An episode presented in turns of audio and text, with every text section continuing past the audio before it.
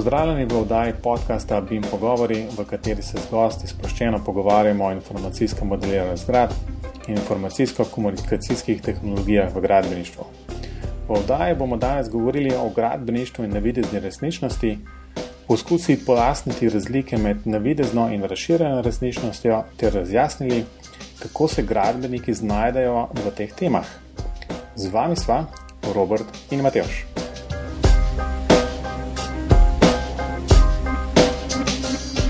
Pozdravljen, Robe. Pozdravljen, Matej.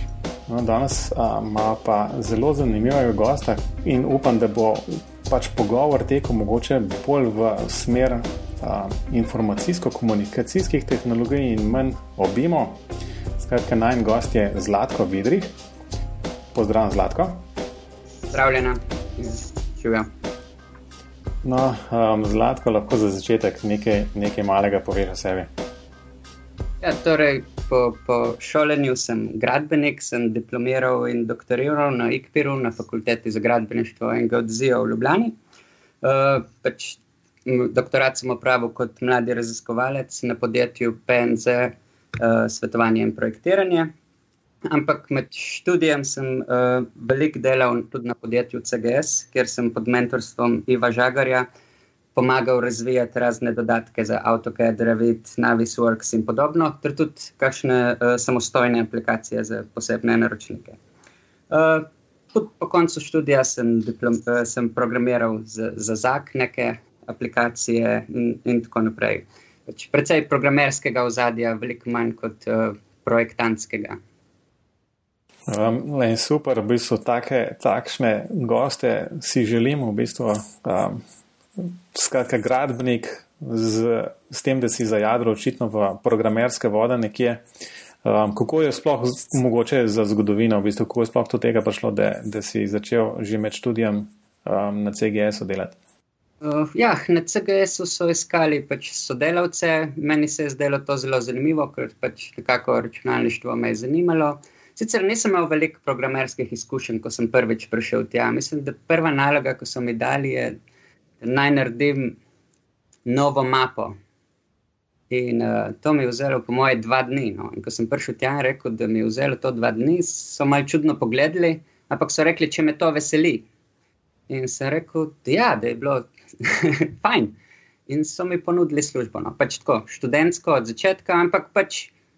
Pa je pa to šlo, ker pač vemo, kako je. Vse na gradbeništvu imamo neko začetno informacijsko šolanje, ampak nekako to vzamemo kot enega od predmetov, bolj kot nekaj praktično uporabnega. Ampak dan danes si pa res ne predstavljam, da ne bi čist vsake stvari izprogramiral, rajko iskal, če obstaja že kakšna rešitev, kar bi mogoče mi včasih rešilo, uh, oziroma prišparalo nekaj časa. ampak pač ob tem se zabavam. Tudi sudoku mi je bolj zabavno res program, da reši sudoku, kot pa če reši sudoku. Recimo.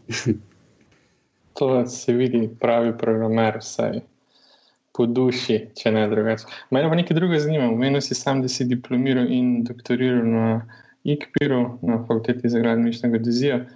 Ampak, um, kako pa to, da te v tvoji doktorski nalogi potem zanesel v potresništvo, je to bilo bolj prilika ali te uh, tudi to zanima?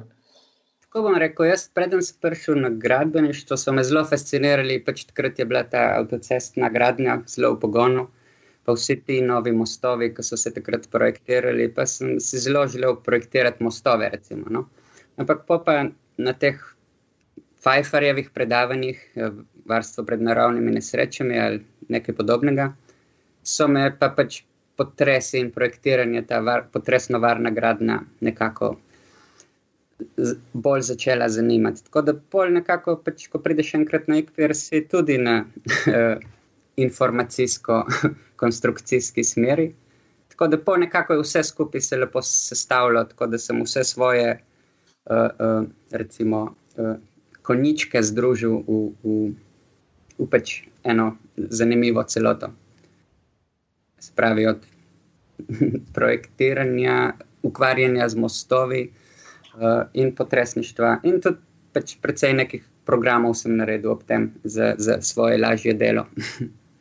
Kaj, posi, se, posi se tega programiranja, sicer pač nekaj si se očitno spoznal s tem um, na faksu, pri ja. najbrž računalništvu in informatiki. Um, oh, ja. Ampak ti si najbrž bilo tako, glih to, da je spoznavanje, vse, vas, ja, ja, ja. vse ostalo si se pač um, najbrž sam, sam pomatro in ja, se naučil. Ja, sam pa, pa pač na CGS-u je bilo predvsej lepih primerov, ki so mi prišli prav, predvsem, ne vem, če nisem sto tisočkrat izračunal uh, zveze med momentom in ukrivljenostjo uh, za razne prereze, če pač ne bi tega zautomatiziral, če sam ko enkrat imam armaturni načrt narejen, da mi avtomatsko izračuna pač nelinearne lasnosti stebrov ali pa pač elementov, bi, bi, bi verjetno še zdaj tisto računal. No? uh, tako da, če imaš enkrat AutoCAD model, pač prebereš podatke ven, lahko tistim črtem tudi v AutoCAD-u, nekako s nekim programerskim znanjem dodaš. Ne bom rekel BIM, ampak malo več kot sam CAD, ki pač lahko poropravi tudi statično analizo ven, brez da bi pač neke bolj napredne programe iskal. Ker takrat jih verjetno niti še ni bilo. No. Mislim, da Revit je prišel šele kasneje.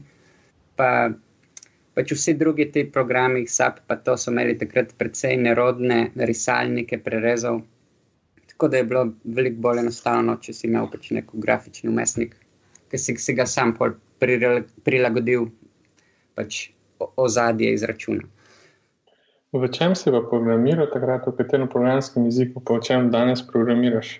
Oh, oh, različno je bilo. Ja. Takrat se je pač začelo z Visual Basicom, VBA, pa tako naprej pol tudi Lisp v AutoCAD-u.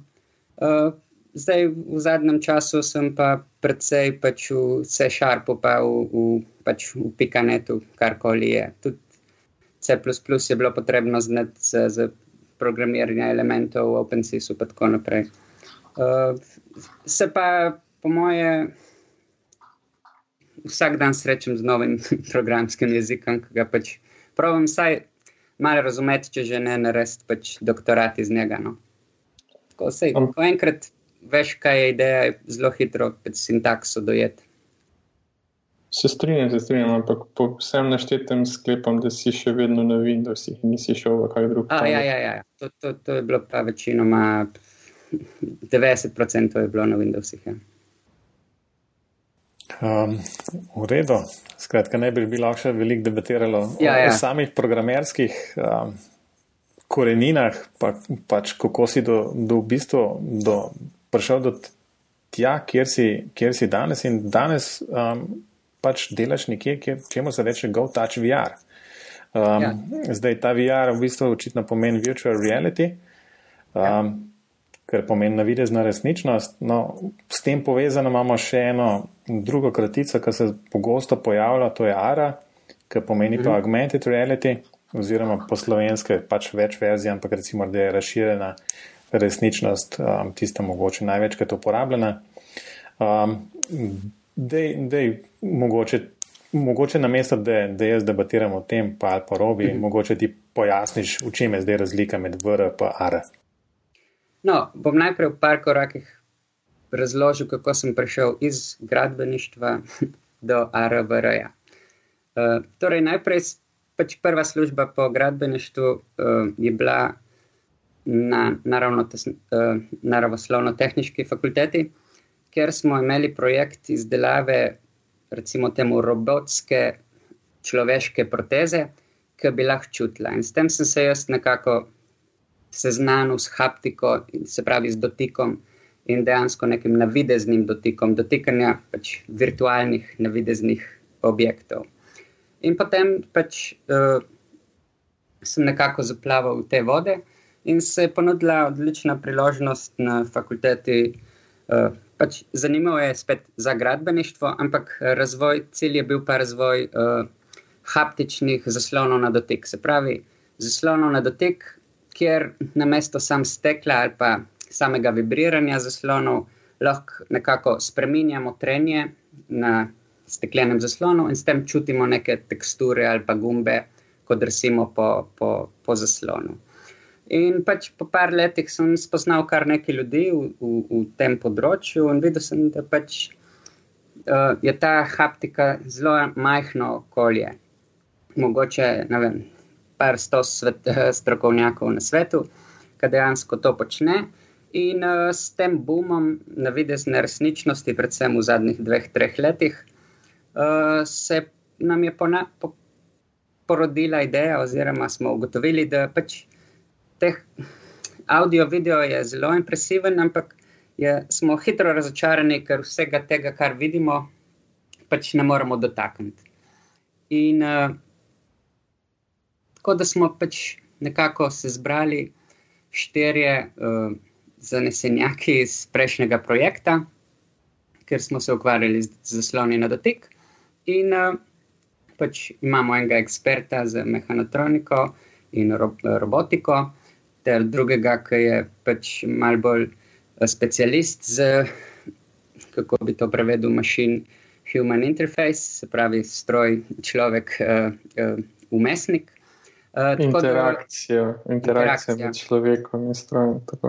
In uh, ko smo se pač zbrali, smo rekli, da imamo pač in programersko znanje, in uh, pač neko uh, hardversko znanje, tako da smo lahko nekako sestavili to celoto. In uh, no, ravno zdaj se je iztekel ta CES na, v, v Las Vegasu, kjer so predstavljene nove tehnologije, ker smo bili tudi mi s tem podjetjem, oziroma startupom, startupom, startup, pardon. Se pravi, je tako mlado podjetje, štirje smo, uh, kjer smo pač nekako tudi po pričevanju drugih, ki so to proveli in uh, uh, iz tehnologije, med drugim so tudi vsi veliki proizvajalci teh uh, virtualnih očal prišli uh, in se zanimali za sodelovanje od Oculusa, HTC-ja in, in uh, Sonyja s, uh, s njihovim uh, PlayStation VR-om. Tako da se, se, kdo se s tem ukvarja, ve, da dotik manjka za, za pravo uh, uporabniško izkušnjo. Torej, za samo zmedo med VR in AR je, se pravi, med navidezno resničnostjo in razširjeno resničnostjo, je pa nekako, bom rekel, ni čist, čist diskretne meje, ampak je nekako zvezno. Na, na eni strani imamo zelo uh, uh, virtualno, spravi uh, navidezno resničnost, na drugi pa pač resnično resničnost. In uh, že primer, če vzamemo neka vizualizacija stavbe v naravnem okolju, ali pa če veliko vidimo, kakšne uh, vizualizacije novih cest, kjer so položene v dejansko okolje. Že to je, recimo, razširjena resničnost.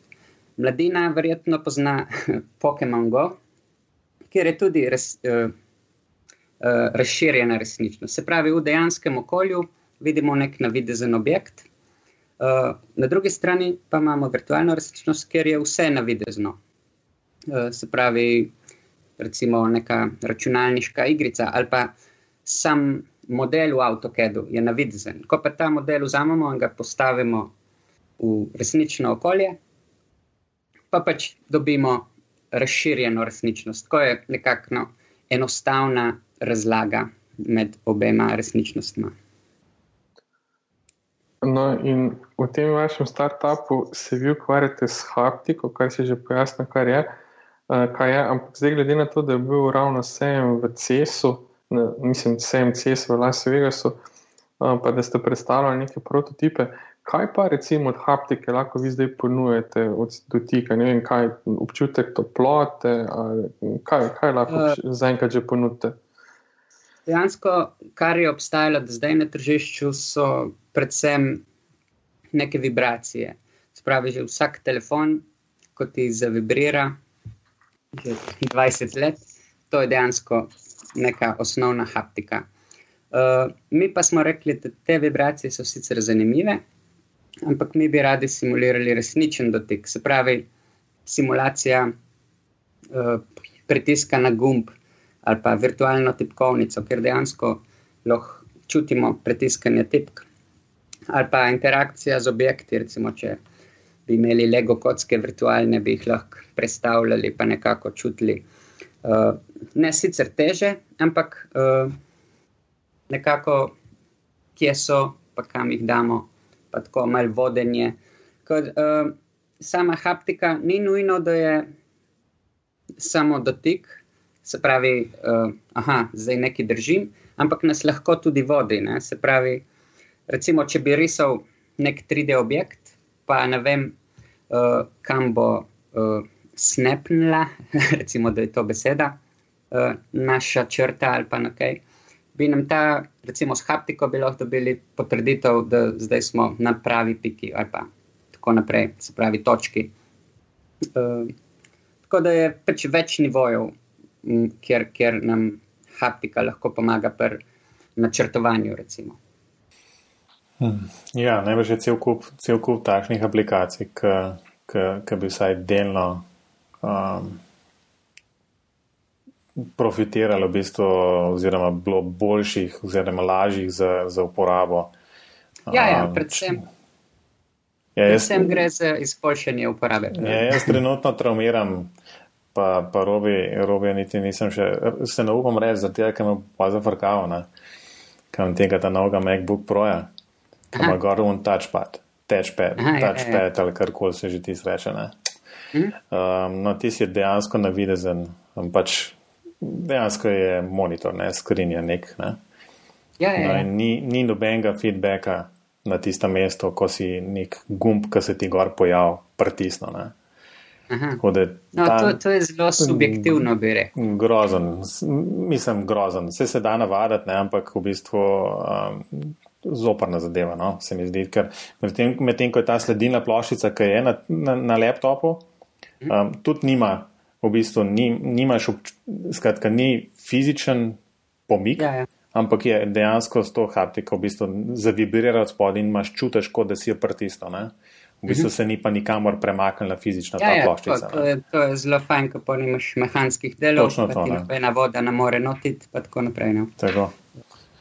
To je to, to tudi v, v avtomobilski industriji so zelo pač zainteresirani, pa se ugrajuje. Recimo, že če imaš touchscreen, ko ti ni treba ga gledati med vožnjo z nekaj neštime. Tako včasih, ko smo imeli stare, stare radije, si lahko menjo postajo brez gleda, ko si čutil gumbe.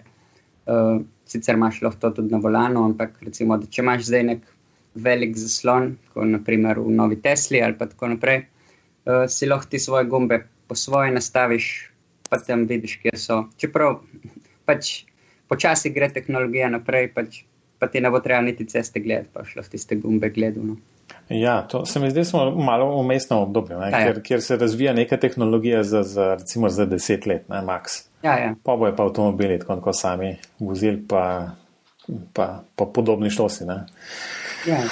Zdaj sem, ravno sem se spomnil neki en intermezzo, čist mimo, bim pogovori na vsega. Ravno danes sem poslušal en podcast, mislim, da je bila kaj frekvenca X in bil en pomislek glede teh samovozečih avtomobilov da posledica tega, ko bo avto sami vozil, bo tudi manj nesreč in pa bo tudi manj darovalcev organov. To me pa prav tisto šokiralo. to, to ja, se zdaj le spomnim. No. Ja, se jih bo manj potrebovali tudi, ne? Ja, verjetno. Recimo. Ja. Upam. E, recimo, ampak tako je zdaj, ko reko, ja, pa bomo imeli čas, da bomo tapkali po zasloni. Čeprav, nažalost, zdaj tudi nekateri že zdaj to počnejo, pa jim ne bi bilo treba. Uh, no, mislim, je pa, je pa zanimivo pri tem, da dosta ljudi, ko je recimo poskušala prototipe na zaslonih za dotik, ker pač si dejansko lahko čutil, pač, vem, če si igral Angry Birds, si čutil fračo, recimo tak primer, ki vsi poznamo. So rekli, ja, zakaj pa to, ne? Zakaj? No, in pa pač jim vedno poskušamo odgovoriti, da ko je prišla prva televizija, ni imela zvoka, črno-bela slika je bila pa nek klavir je igral v zadju, pa so vsi bili zadovoljni. Pol pač so dodali zvok, pa so dodali barve, prišel HD. Tudi prvi računalniki niso imeli nobenega grafičnega umestnika. Pač 30 let so bili ljudje čist veseli, da so tipkali na črn zaslon bele črke in nekaj se je v zadju zgodilo. Pač, uh, ko enkrat to poskušaš, saj jaz, mi je zelo nerodno politi nazaj na nekaj brez tega, ker hitro vidiš, da da je izboljšana vrednost. No, tudi recimo že samo tipkanje na touchscreenu je, je zelo bolj resnično. Recimo. Čeprav se da tipkati čisto lepo, brez, pač malo popravljaš, pa trikrat pritisneš črko. Uh, ampak tehnologija gre naprej in pač verjetno čez 15 let ne bomo vprašali, zakaj imamo to. No. Zdaj pa je več, večkrat vprašanje, zakaj, zakaj je haptika. No, zdaj, če, če lahko še mogoče, ker smo glih okoli haptike vrtima, pa bomo mogoče pa prišli, kaj pa v RR, v gradbeništvu in podobnih štorijah. Um, Koliko deleč pa je dejansko ta tehnologija? Se to pričakuje, ne vem, iPhone 8, v bistvu, to bo pa imel, ne? Ker zdaj bojo kao po nekih, po nekih informacijah bojo ti z gumb, home gumb, dal stran, ne? Um, naprimer, ne? A to pomeni, da, a to pomeni, da boš lahko, da boš čutil, ko boš nekaj pritisnil tam.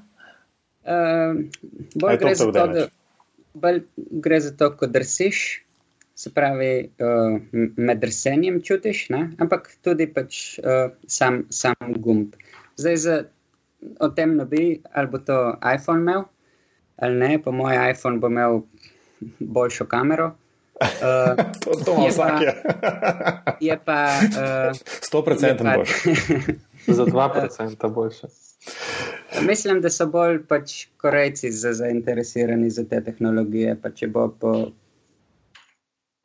po prnih to prej prišlo, pa pač avtomobilska industrija uh, je zelo zagnana, tako da ta skrinitem. Mislim, da pač v, za same prenosne naprave je to še precej v povojih, glede porabe energije in tako naprej. Uh, tam, kjer imaš pa pač avtomobil in dosta energije zadaj, ali pa pač za stacionarne naprave, bom rekel, v kakšnih uh, igralnicah ali pa tako naprej. Uh, pa, bo, pa bo kar kmalo, se mislim. Ja. No, ampak to zdaj skozi omenjaš, pač te zaslone na dotik, pa, pa avtomobilske mestnike. Pa to, Ampak um, na vaši spletni strani sem povedal tudi, da so predvsem omenjali take tehnologije kot je Oculus Rift, pa, pa to je pa čisto ena druga, ali, ja, ja druga ja, ja. vrsta naprav. Kako kak pa lahko tam haptika, to imate kakšne rokavice ali koliko je s tem? Uh, no, mi nimamo rokavic, ne? mi imamo pač recimo temu prsten, uh, mhm. kjer jih pač lahko daš pač deset ali pa samo enega. In uh, pač, ko vsak prst pride v kontakt z navideznim objektom, pač reagira in nam simulira približno enak dotik. Torej, uh, gre pa pač predvsem za neko igro oziroma trik, ki pač naredimo našim možganom. No? Ker uh, dolge časa je bilo pač mišljeno, da rabiš čist.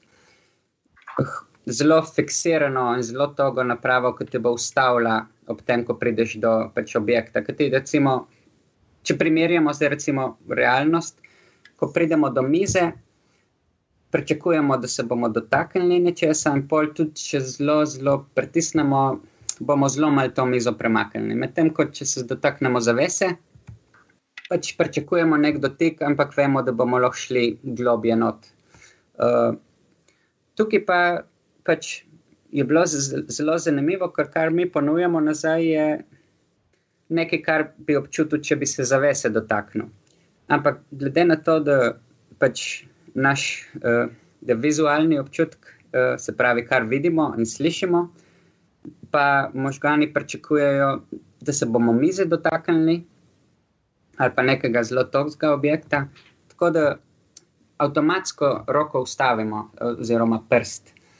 Tako da ni mislim, zdaj za zelo precizne uh, simulacije, recimo medicino ali tako naprej, seveda tega ne bi uporabljal. Ampak za take bolj uh, zabavne aplikacije pa, pa je presenetljivo dober učinek uh, simulacija pač resničnega okolja. Se pravi, nam da občutek, da, smo, da, da se dotikamo resničnega objekta v navidezni resničnosti ali pa v v razširjeni resničnosti. Se pravi, če bi imeli, recimo, bom spet omenil Pokemone ali pa navideznega psa, ki sicer skače po naši dnevni sobi, in če bi skočil pač do nas, bi ga lahko mal pobožali, pa tako naprej. Recimo.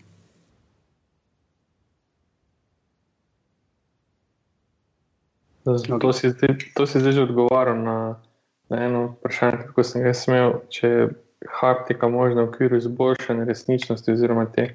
A, ja, ja. Nismo ja. rekli izboljšanje, ampak razširjene, ampak praviš, da, ja, da ni, ni ja, ja, omejitev. Ne? Ni, ni omejitev. Zdaj, kar se tiče pa gradbeništva oziroma pač načrtovanja, pa seveda jaz vidim. Uh, velike možnosti za navidezno ali pa razširjeno resničnost, predvsem sedaj v, v poučevanju. Recimo na Univerzi v Sonziju zdaj trenutno ustanavljamo tudi recimo, katedro za navidezno resničnost, uh, kjer pač lahko pač neke procese gradnje oziroma načrtovanja, uh, sprehod po gradbišču in tako naprej, uh, se da recimo, predstaviti študentom, ker lahko tudi pač nekako se sprehodijo skozi pač brez nevarnosti, ki so nač, uh, načeloma prisotne na gradbiščih, pa pač uh, recimo temu tudi nadležnosti za, za izvajalce. Lahko pač si ogledajo pač potek nekih gradbenih del, recimo. Ali pa predvsem, kar, kjer se zdaj pojavlja v zadnjem času, je recimo z prodajo nepremičnin, kar, če govorimo o BIM-u in življenjski dobi zgradb, pride tudi upoštev, ker se lahko pač načeloma uh, kupec prehodi skozi pač neko nepremičnino, pa si jo pogleda. Isto je pač za poljubnega investitorja, tudi pri načrtovanju novih stav. Se pravi, trenutno smo zelo zadovoljni z nekimi vizualizacijami oziroma filmom, uh, samo uh, uh, pač uporaba virtualne resničnosti, se pravi, če si damo ta virtualna očala gor, uh, pa zelo izboljša ta občutek, pa tudi pač naročnik si lahko načeloma ogleda pač projekt, pa vidi, da ta soba je premajhna.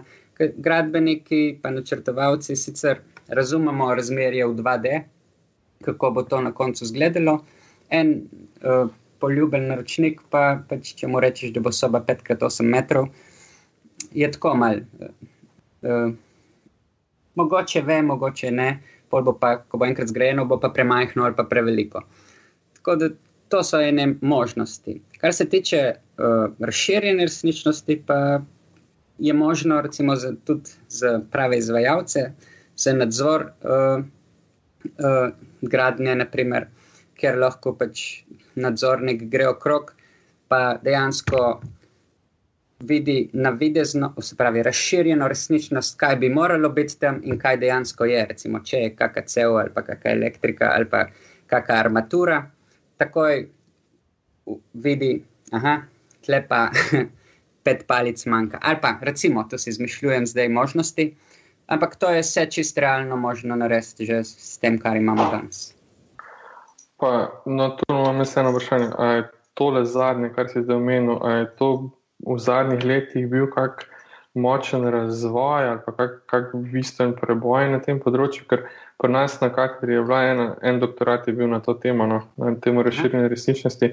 In takrat je bilo pač ugotovitev, da je ogromno nekih problemov s pozicioniranjem elementov. V bistvu GPS ni dosti natančen, pa imaš pa neke druge metode, ki so pa niso uporabne, pa, oziroma so vsaj zahtevne ali pa zelo drage.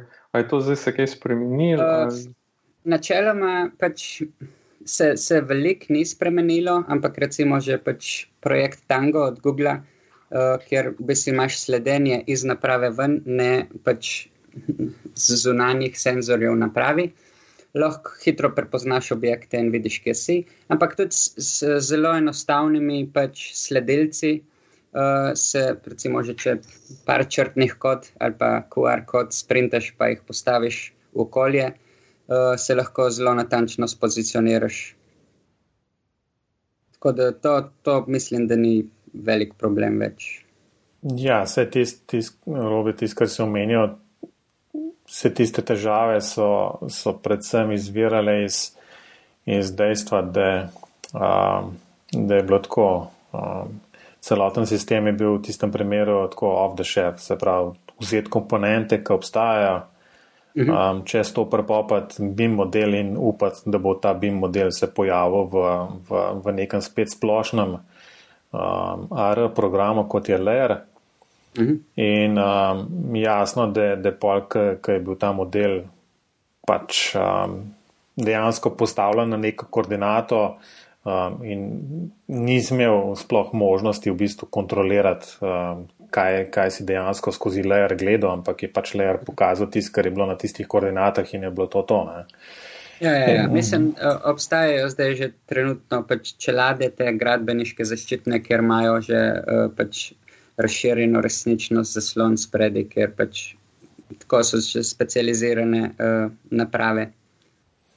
Uh, naprimer. Sicer so zelo drage, trenutno še, pač ureda velikosti no, 20 tisoč evrov, ampak uh, to bo po mojih pač. Malo postalo pač bolj, bolj dosegljivo. Ja, se no, sej sam to, da, da je upravičen, zakaj je bilo takrat dejansko tako narejeno. Enostavno mm. te stvari, ki so um, dejansko zelo namenske, tako kot si ti omenil, to čelado, enostavno to stane. Zdaj, ja, ja. Ker je bil pa predpostavka, ne, da, da bomo pa ja, ja to naredili z prenosnimi napravami, s pametnimi telefoni in podobnimi zadevami, ki imajo te senzore notor ograjene. Se pravi, da to noč ne bi stal, pa vsak to ima skozi presep.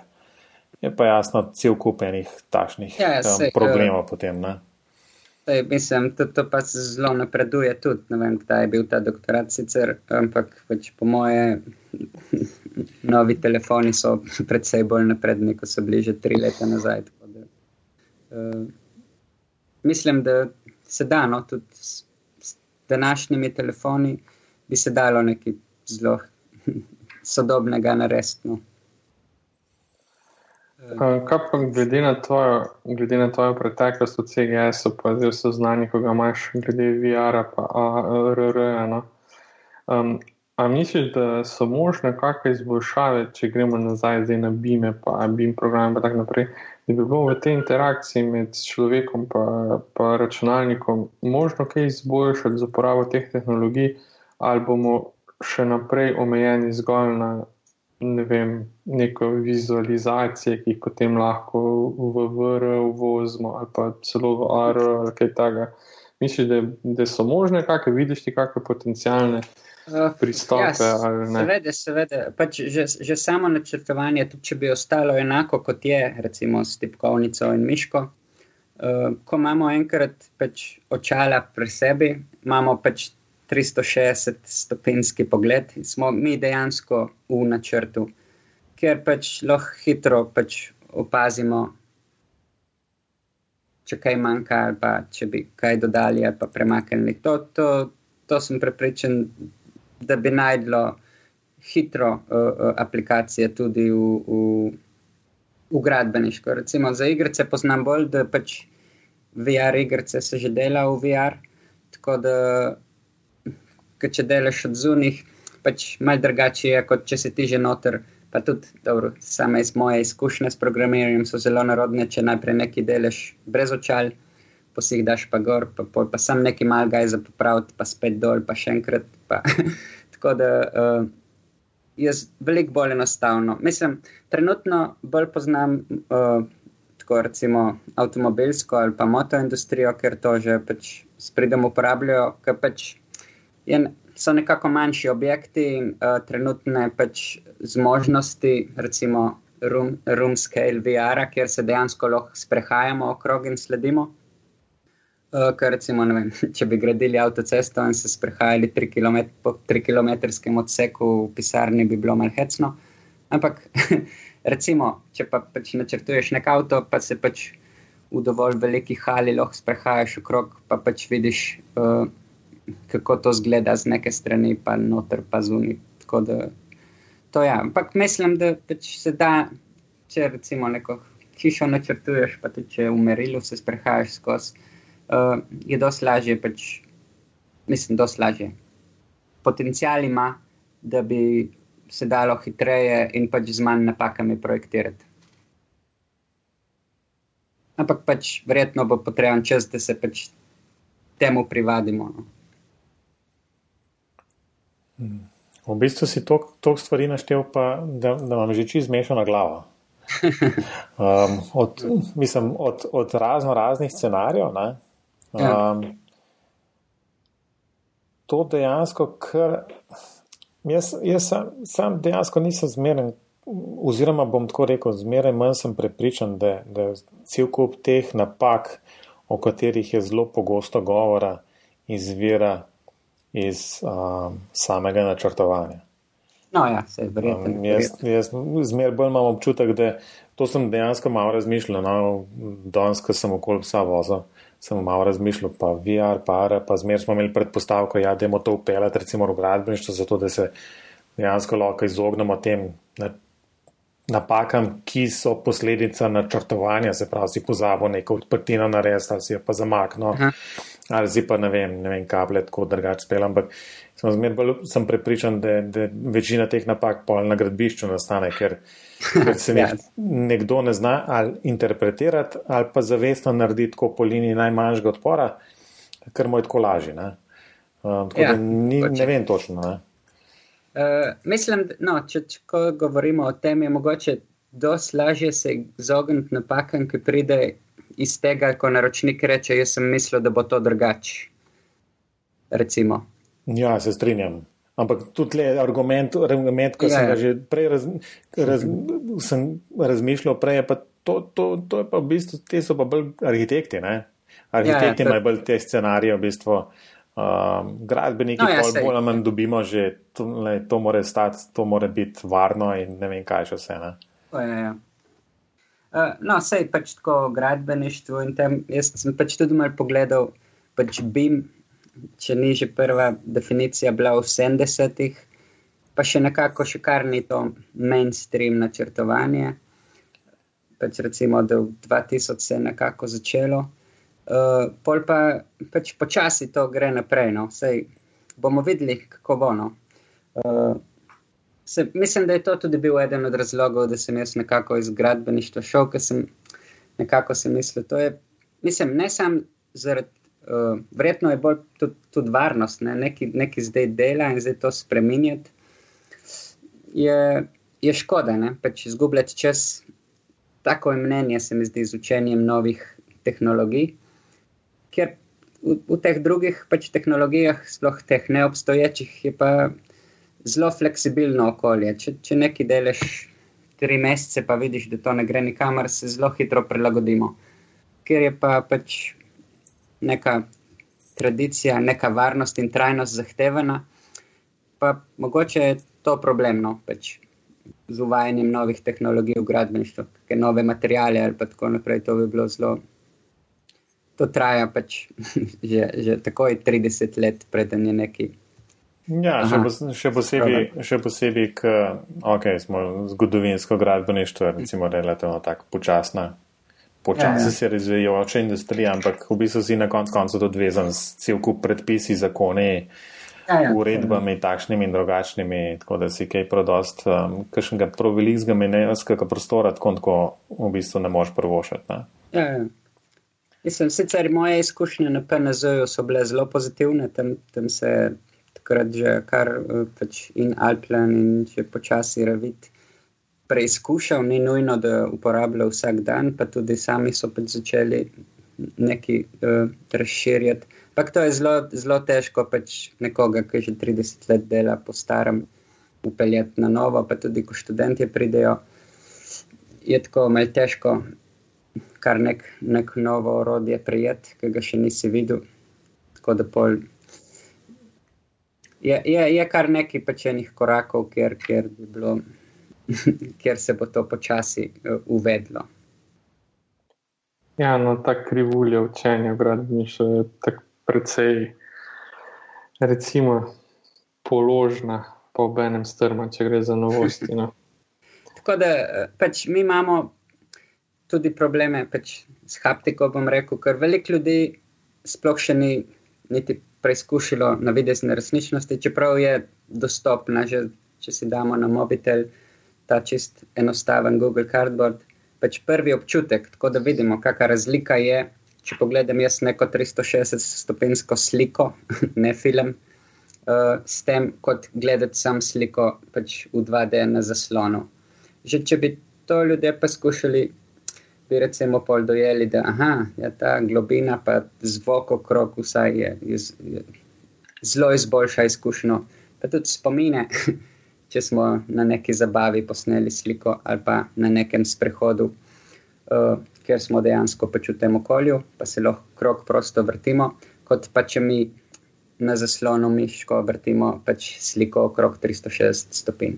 Kar je sicer boljš kot stacionarna slika, ampak pač no, vsakmu svoje. No.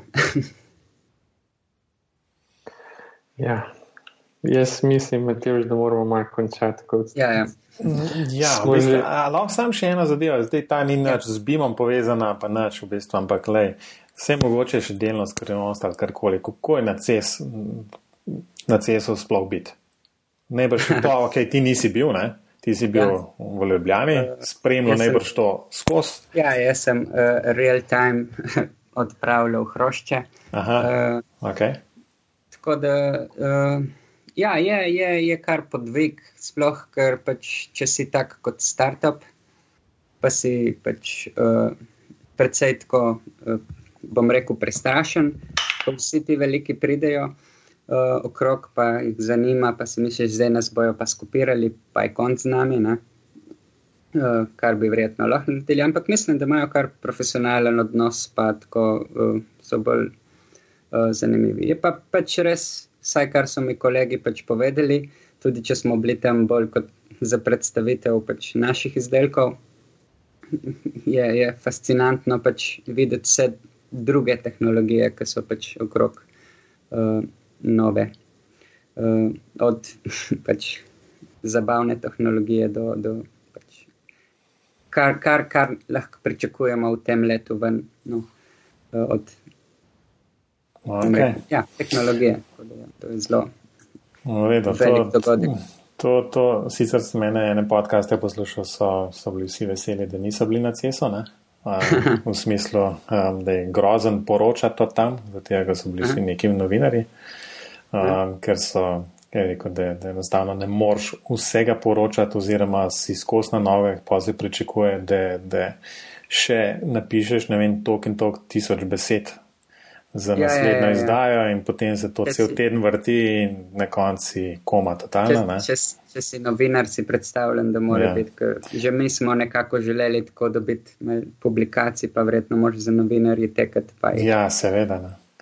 Prosit, jaz jaz vem, da sem svoj čas, dokler sem bil dejansko študent, sem še ene parkrat bil na enih sejmih, tukaj so bili še na razstavišču, ne? so bili taki računalniški mm. sejmi, pa je bil tudi Ikpir je imel svoj, svoj štand, pa, pa tako, pa, smo, pa sem bil tam. Ne? Mm -hmm. Jo, to je grozno. Ne? To je grozno, tam imaš, ne vem, 12 ur, kako koli biti na nogah, v bistvu biti blazno vesel, 100 tisoč krat poveš ena in ista zadeva. Ja, ja, ja. To, to, to, je. to je posebna izkušnja, res. Načeloma so, so se mal menjali tako da je se dalo malo okrog priti. Ampak je, je pa zanimivo, no, kot pa če ne taki, ker recimo ti pomembnejši igravci v tej tehnologiji, Oculus, pa Apple, pa tako naprej. Ponavadi, ko oni pridejo kaj pogledati, pač imajo prednost, ni važno, kakšna vrsta je. Pa je, da k nam so pa prišli pač štirje takih hkrati, pa se niso znali zmeniti, kdo bo prvi.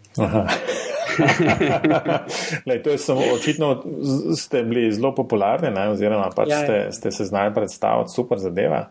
Da upam, da, upam, da bo rad kaj od ja, ja. tudi ena, tako, ena ne, zanimiva anekdota od tle je bila tudi, ko uh, pač ste mi zasloni na dotik, ko smo pač se akademsko ukvarjali s tem, je bilo, uh, smo imeli precej težav z enim ameriškim profesorjem, ki je skozi nekako naše članke zavračal, pa tako naprej, pa vsak se je podpisal z imenom, da je on reviewer, pa, pa tako naprej. In zdaj, ko je prišel tem mim, pa, je, pa nas je videl, pač je poskusil, pa bo zelo vesel, da pač mu ne hodimo več v zelje.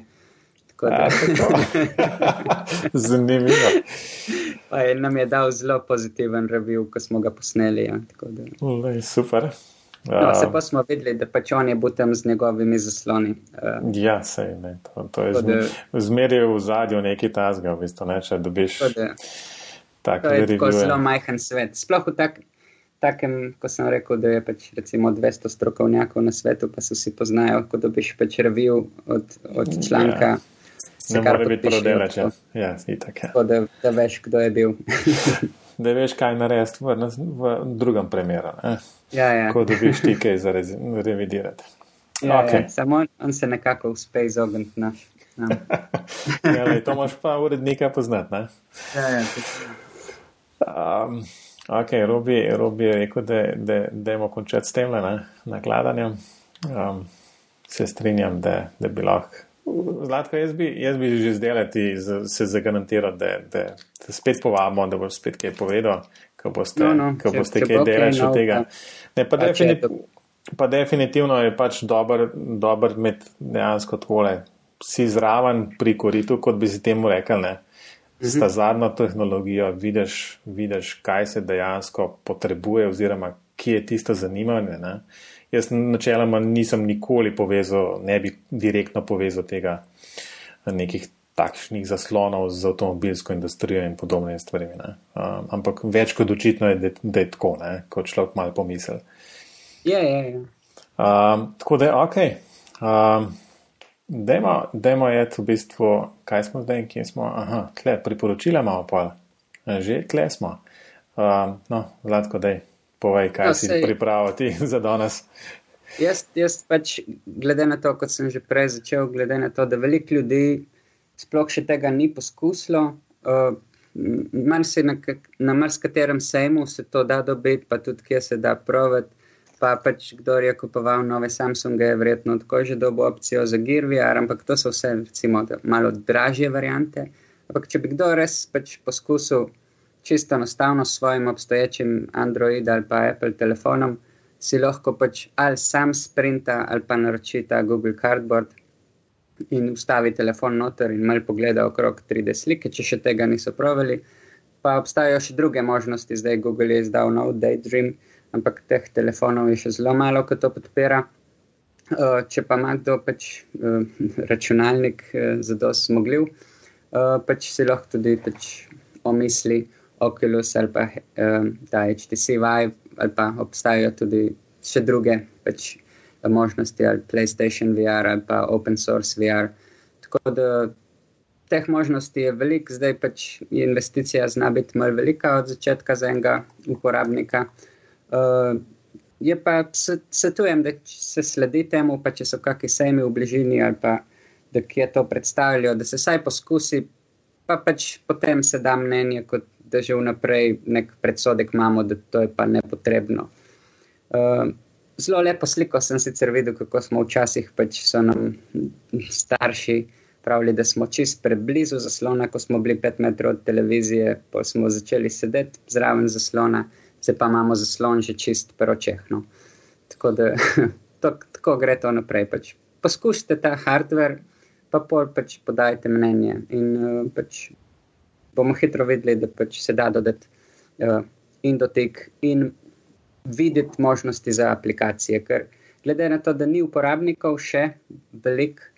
Uh, tudi aplikacij, seveda, ni, ker pač sami programerji in razvijalci iščejo niše, ki so mogoče v napačni smeri, uh, uporabnik pa lahko dobijo, tako bi pa jaz lahko imel. Pa, glede na to, da je to zelo mlada tehnologija, je veliko pač razvijalcev, ki bi verjetno vam razvili aplikacije za veselje. Super. Um, moram reči, da se sam, sem se zmeri izogibal temu le vraju. Um, ampak bom, bom enkrat nekaj na printu. Ne? pa bom probil malo pogledati. Um, Robi, kaj pa ti? Ja, jaz pa danes, glede na to, da sem videl, da bomo imeli enega programerja kot gosta, sem naletel se na eno novico. No. Um, obstaja eno odprto kodno urodje za vizualizacijo prek spletnih strani, uh, ki se imenuje Beam Surfer. No, in pred kratkim je bil v ta BIM server integriran en nov WebGL pogon, ki bi naj obljubljal tako, no, da je precej hiter, da je 3D vizualizacija res hitra, da se hitro izrisuje in vse to deluje prek uh, WebGL. Um, v zapiskih bo povezava, lahko si pogledate, lahko si preberete, če koga zanima. Če bi kdo reci na programiru, tako kot zlatko, ne? zlatko na mestu, da bo videl, pogleda si vreš na programiru. Mi ostali bomo pa še videli. Ne, če koga zanima, zapiske ne pogleda. Zlatka bo BIM surfer na naredil, veste, pa umera, veš kaj. To ne da neki temelji na BIM surferju. Um, ok. Um, super sem pogledal in zgleda zelo, zelo lepo, moram enkrat probati.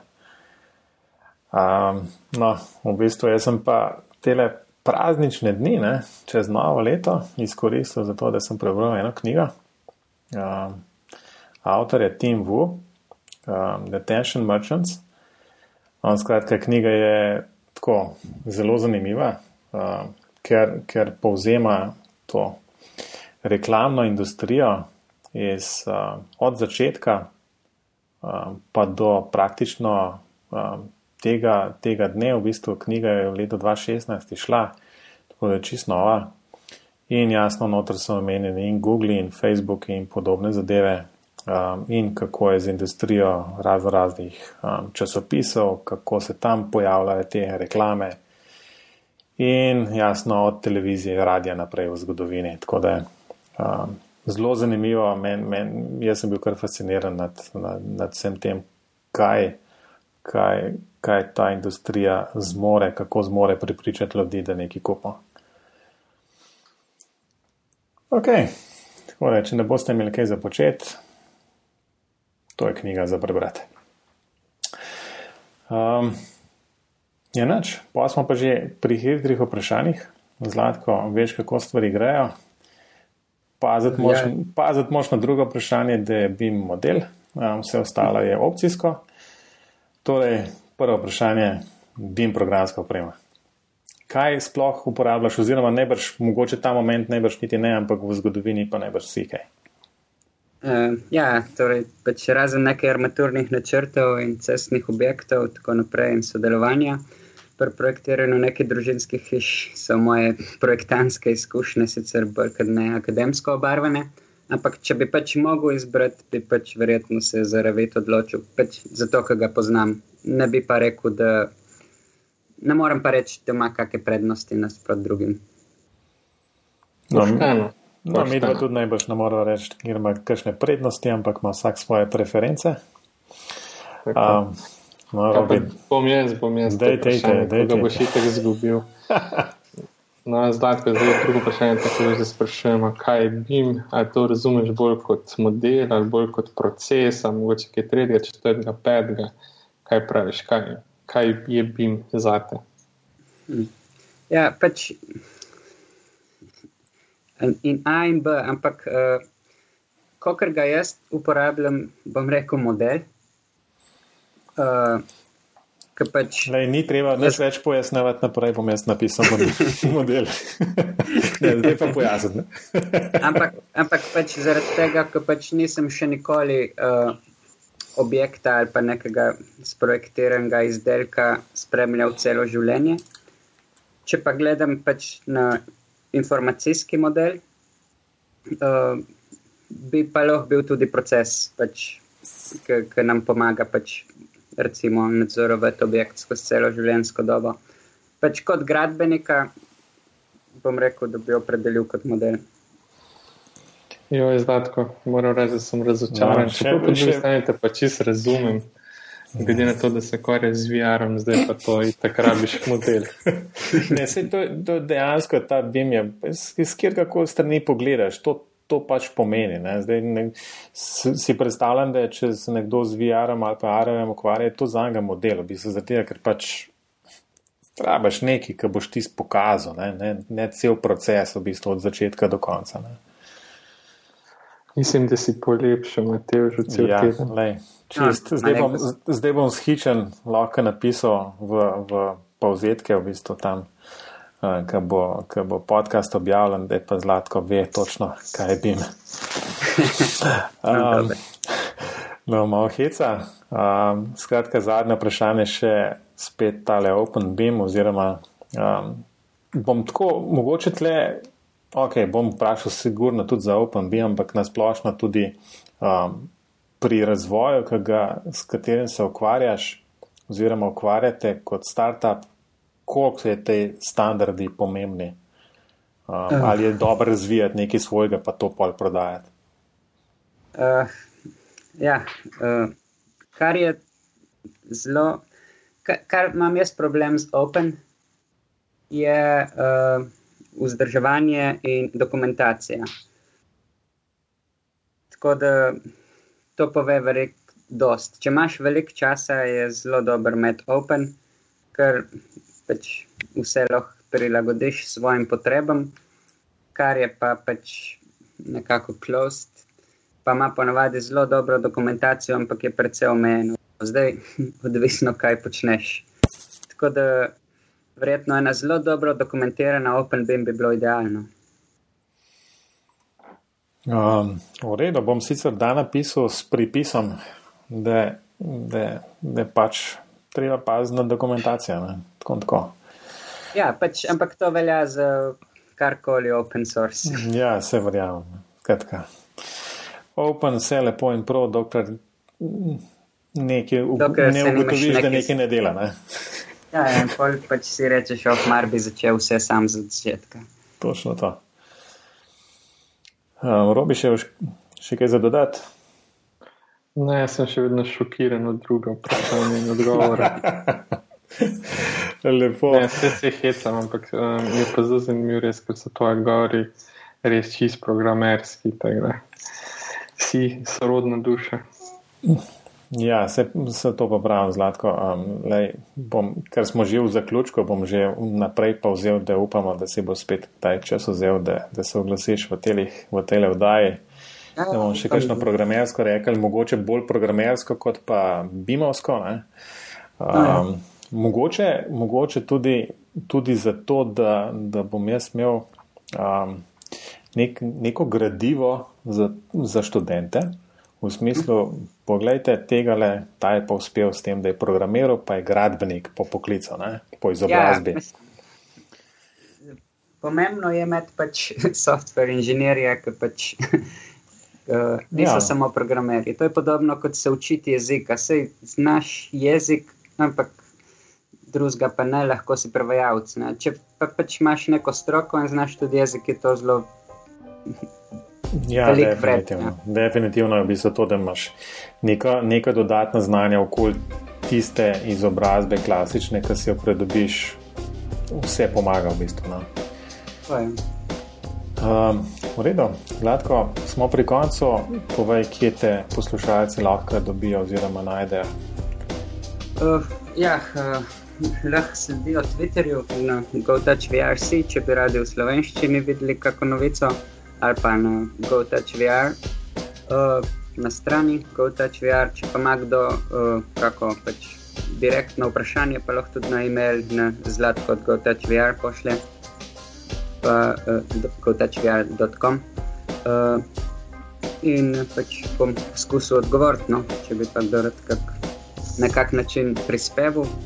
Pa kako idejo ima, ki bi se lahko VR uporabil ali pa AR v gradbeništvu, ker če ne obstaja, pa tudi sprejemamo ideje.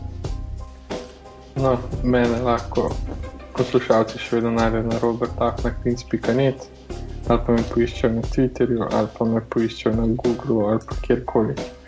Še enkrat sem vsak Robert Vinc razen tiskaj gozdar. Ko te no. Google, boste videli, kaj mislim s tem. no, evo, bom takoj, ko končamo, bom šel po Google, da bom videl. Uh, no, skratka, meni je še zmeraj najlažje, ker na matejždolec.com. Uh, še celo dodal sem direkten link na BIM pogovore tam od zgoraj in uno vrstica, tako da še malo take cross-linkov. Uh, sicer za pa BIM pogovori še vedno na spletu, Facebooku in Twitterju. Uh, bil sem presenečen, da, da je bil kar nekaj ogledov in nekaj lajkov Facebook strani um, BIM pogovora, tako da je veselo klikati na tiste gumbe, ki ima prst gor. Um, nač, smo pri koncu, Zlatko, še enkrat najlepša hvala za, za tale pogovor. Mislim, da smo odprli in tudi pojasnili določene stvari za poslušalce. Ja, hvala za povabilo, no. malenkost. Ja, jaz tudi se ti zahvaljujem, pa srečno pot nazaj na delo. Ja, tako je. no, no, zlatko robi, adijo. Adijo.